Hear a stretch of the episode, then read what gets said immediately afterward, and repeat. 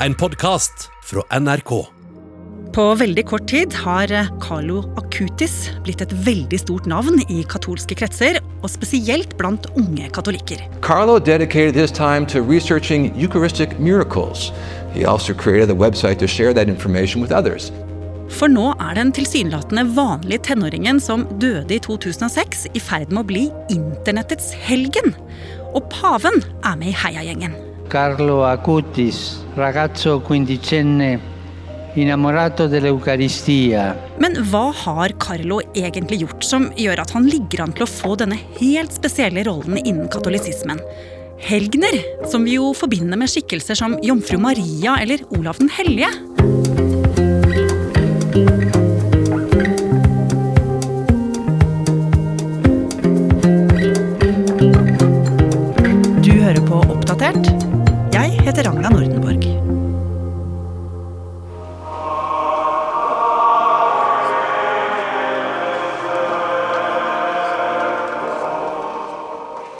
Det vi hører her, er lyden fra en helt spesiell seremoni i en kirke i en eh, italiensk fjellby midt i Italia som heter Assisi.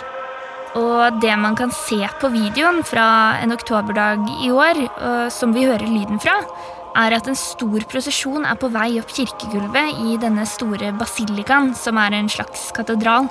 Julia Kirsebom Thommessen er journalist i NRK Nyheter. Forrest i prosesjonen så går presten med et skrin som han holder fram i hendene. Og inni der ligger det et hjerte. Og dette hjertet tilhører Carlo Acutis. Og det syns mange kanskje er litt rart. Men det er en relikvie. Og det er helt vanlig i katolisismen at man gjør kroppsdeler til hellige gjenstander. Og hovedpersonen selv han ligger i en gjennomsiktig kiste bakerst i kirka. Han eh, har på en helt vanlig olabukse, mørkeblå collegegenser og Nikes. Og så kan du se mennesker som én etter én stiller seg foran denne døde kroppen for å ta bilder og be. Ja, og det denne folkemengden er vitne til, er at 15 år gamle Carlo Acutis, som har vært død i 14 år, blir saliggjort. Og det er faktisk siste steg før han kan bli helgen. Og dette har jo fått voldsomt mye oppmerksomhet i den katolske kirka og i katolske kretser. For katolikker er jo veldig opptatt av sine helgener, Julia.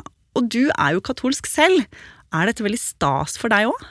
Jeg er feil katolikk å spørre. Eh, jeg eh, er litt mer katolikk på papiret, men jeg har jo skjønt, da, mens jeg har researchet dette og snakket med folk, at dette er stas. Mm. Og ikke bare er det stas, det er også veldig spesielt. Ja, hva er det som er så spesielt med dette? Jo, altså, du var jo inne på det med at helgener er en viktig del av katolisismen. Eh, og det er lange tradisjoner for det. Eh, helgener er hellige mennesker. Eh, de har levd et liv nær Gud. Eh, og så kan de utføre mirakler eh, fra himmelen. Så man ber til dem om å be til Gud for seg selv. Mm. Men det er ganske strengt hvem som får lov til å bli i helgen. Eh, og det er jo mange man har hørt om som er det. Altså mor Teresa, Olav den hellige, jomfru Maria. Det er der lista ligger. Eh, men denne gutten så jo ut som en helt vanlig fyr. Og i den videoen så ligger han i kirken med Nikes på føttene. Og hva er det han har til felles med jomfru Maria, mer enn han har til felles med meg, som også er født på 90-tallet? Og hva er det, da? Jo, for å forstå det, så må vi rett og slett bli litt bedre kjent med han. Så da må vi dra til London i året 1991. 3. mai så er det en liten eh, baby som blir født der. Og den lille gutten har italienske foreldre. Han blir døpt i den katolske kirken i Chelsea, som er en bydel i London. Og han får navnet Carlo Acutis. Etter kort tid så flytter familien til eh, Milano. Eh, Det er den største byen i Nord-Italia. Og der vokser han opp. Og da Carlo var fire år, så skal det ha skjedd noe helt spesielt. Da skal bestefaren hans ha vist seg en drøm og bedt om at lille Carlo skulle be for han. Og etter dette ble han veldig opptatt av religion og kirken, selv om foreldrene ikke egentlig var så religiøse. Eh, mye av samtalen han hadde om tro, hadde han med sin polske barnepasser, som også var katolsk. Og så lærer han seg kjapt eh, Bibelen. Eh, og han er veldig opptatt av å være i kirken mye. Han drar med seg foreldrene som ikke er så religiøse. Han er veldig opptatt av nattverd, som er et eh, veldig viktig sakrament i katolisismen.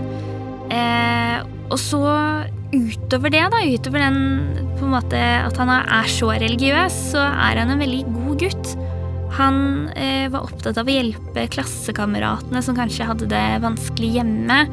Han, eh, han brukte sparepengene sine på å hjelpe hjemløse eh, i Milano, som er jo ganske ekstraordinært da, for, et, for et barn å, å se så mye lenger enn seg selv.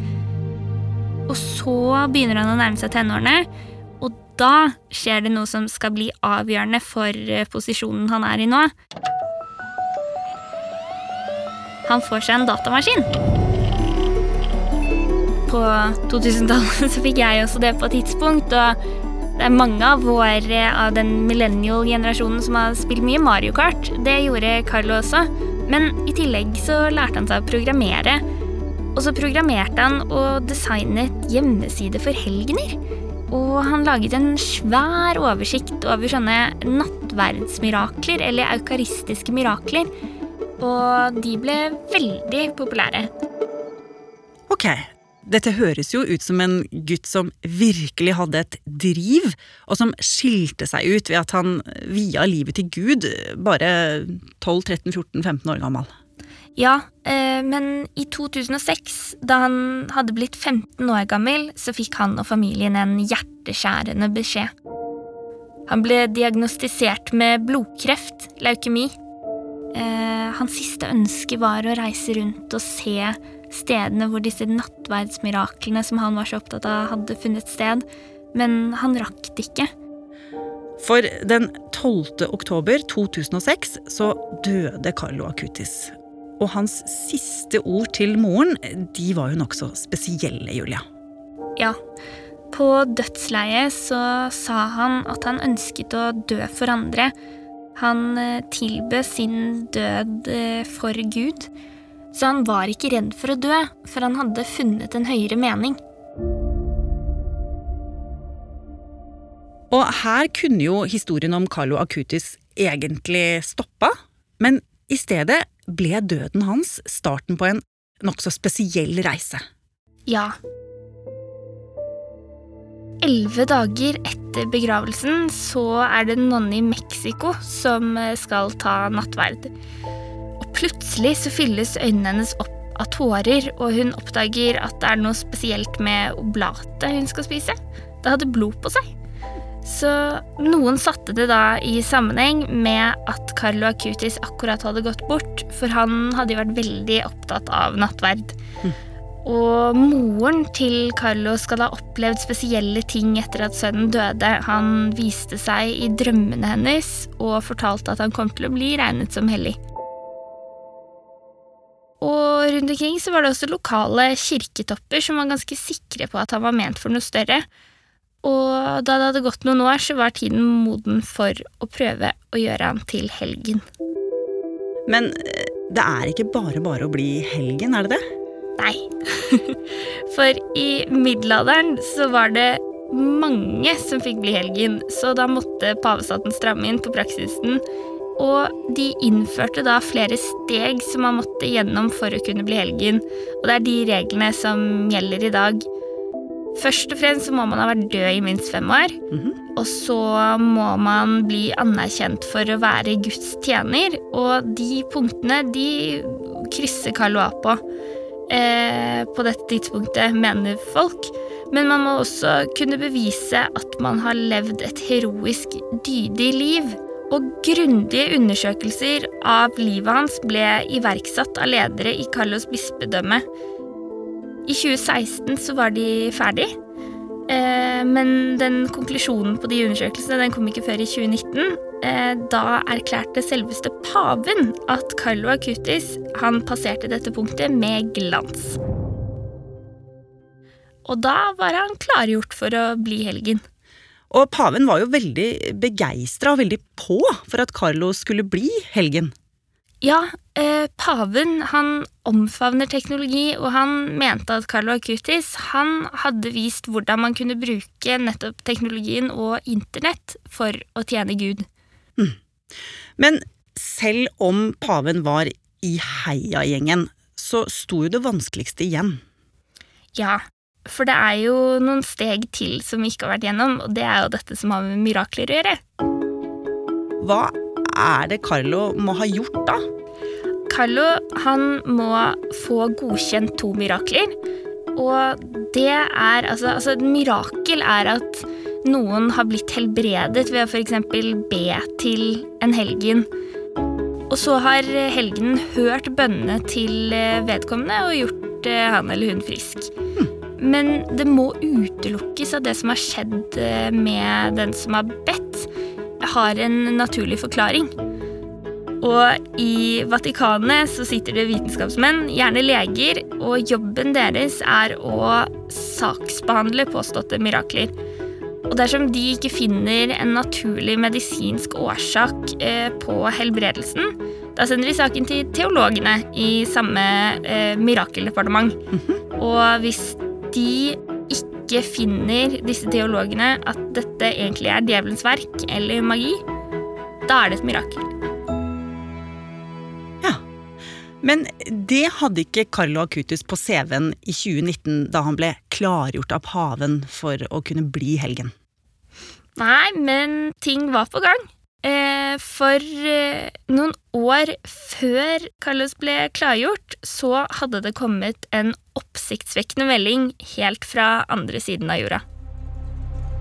I Brasil bodde det nemlig en prest som i årevis hadde engasjert seg i Carlo Acutis. Og da han i 2006 fikk vite at Carlo var død, da tok han kontakt med moren til Carlo.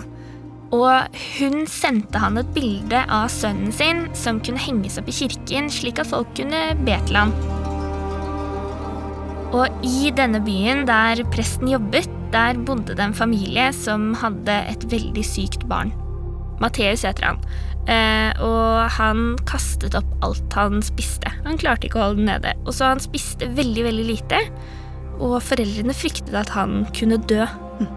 Og så fikk da moren høre om bildet i kirken, og hun fikk et håp om at Carlo kunne redde sønnen hennes. Så bestefaren til Matteus han tok med seg barnebarnet sitt til kirken, og det som skal ha skjedd da, skal ha forbløffet alle. For eh, fire år gamle Matteus han stilte seg opp foran bildet og ba en bønn til Carlo og ba om å få slippe å kaste opp mer. Og umiddelbart så skal han ha merket at det skjedde noe i kroppen. På veien hjem så sa han 'jeg føler meg pigg', og vel hjemme så ba han om å få mat som han aldri hadde spist før, sånn som biff og pommes frites. Og så spiste han det uten å kaste opp. Med andre ord, han var helbredet. Så presten som hadde engasjert seg, tenkte at dette var veldig stort. Snakker vi om et mirakel? Ok, hva skjedde da?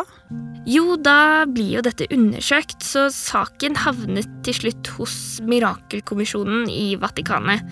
Og de gjør jo da disse ikke sant? De må finne ut at dette ikke har en naturlig forklaring. Eh, og etter alle de obligatoriske undersøkelsene så kom svaret. Ifølge Vatikanet så var dette et mirakel. Det fantes ingen medisinsk forklaring. Og at dette ble godkjent som et mirakel, det var utgangspunktet for seremonien i Assisi, som vi hørte i stad. Og nå mangler han jo bare ett mirakel til, før han kan bli helgen. Og hvordan ligger han an? Altså, det kommer inn meldinger om folk som eh, mener de har blitt helbredet etter å ha bedt land. Eh, så nå må Vatikanet bare undersøke alle de meldingene som eh, kommer inn. Men det er klart at dette kan ta mange år. Mm. Men paven har hinta om at han er villig til å skynde på denne saken. Fordi Carlo Acutis han er veldig i vinden om dagen i den katolske kirke. Og man snakker jo om han som internetthelgen. Og veldig mange unge syns jo dette er fryktelig stas. Altså Millennialsene syns det er kjempegøy å skulle få en helgen, muligens, da, som er eh, egentlig en av dem. Men vil han få en spesiell oppgave? Eh, Det er flere helgener som er skytshelgener. Det betyr at de har på en måte et ansvarsområde, da. Sånn at hvis Carlo blir internettets skytshelgen, noe mange har på en måte snakket om i media, eksempel, at de har eh, lyst til at han skal bli, da blir det for eksempel mer naturlig å be til han om ting som skjer. Altså hvis jeg skal be om at barnet mitt er trygt på Instagram, da, nå har ikke jeg barn, eh, så kanskje jeg heller ville bedt til Carlo enn Olav den hellige, da. Som nok var mindre på internett. Men Julia, når tror du vi får se Carlo Acutis som helgen? Og det tør jeg ikke å svare på. Men eh, det er veldig spennende å følge med på.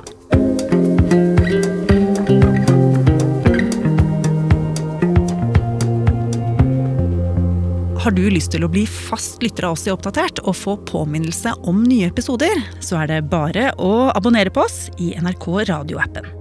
Og så er det veldig hyggelig hvis du vil anbefale oss til en venn. Oppdatert er en podkast fra NRK Nyheter, og denne episoden er laget av Ida Tune Øretsland, Ina Rønneberg Swan, Andreas Berge og meg, Ragna Nordenborg. Eva Midthun Leira er redaksjonssjef. Vil du kontakte oss, gjør gjerne det på oppdatert alfakrøll nrk.no. Du har hørt en podkast fra NRK. Hør flere podkaster og din favorittkanal i appen NRK Radio.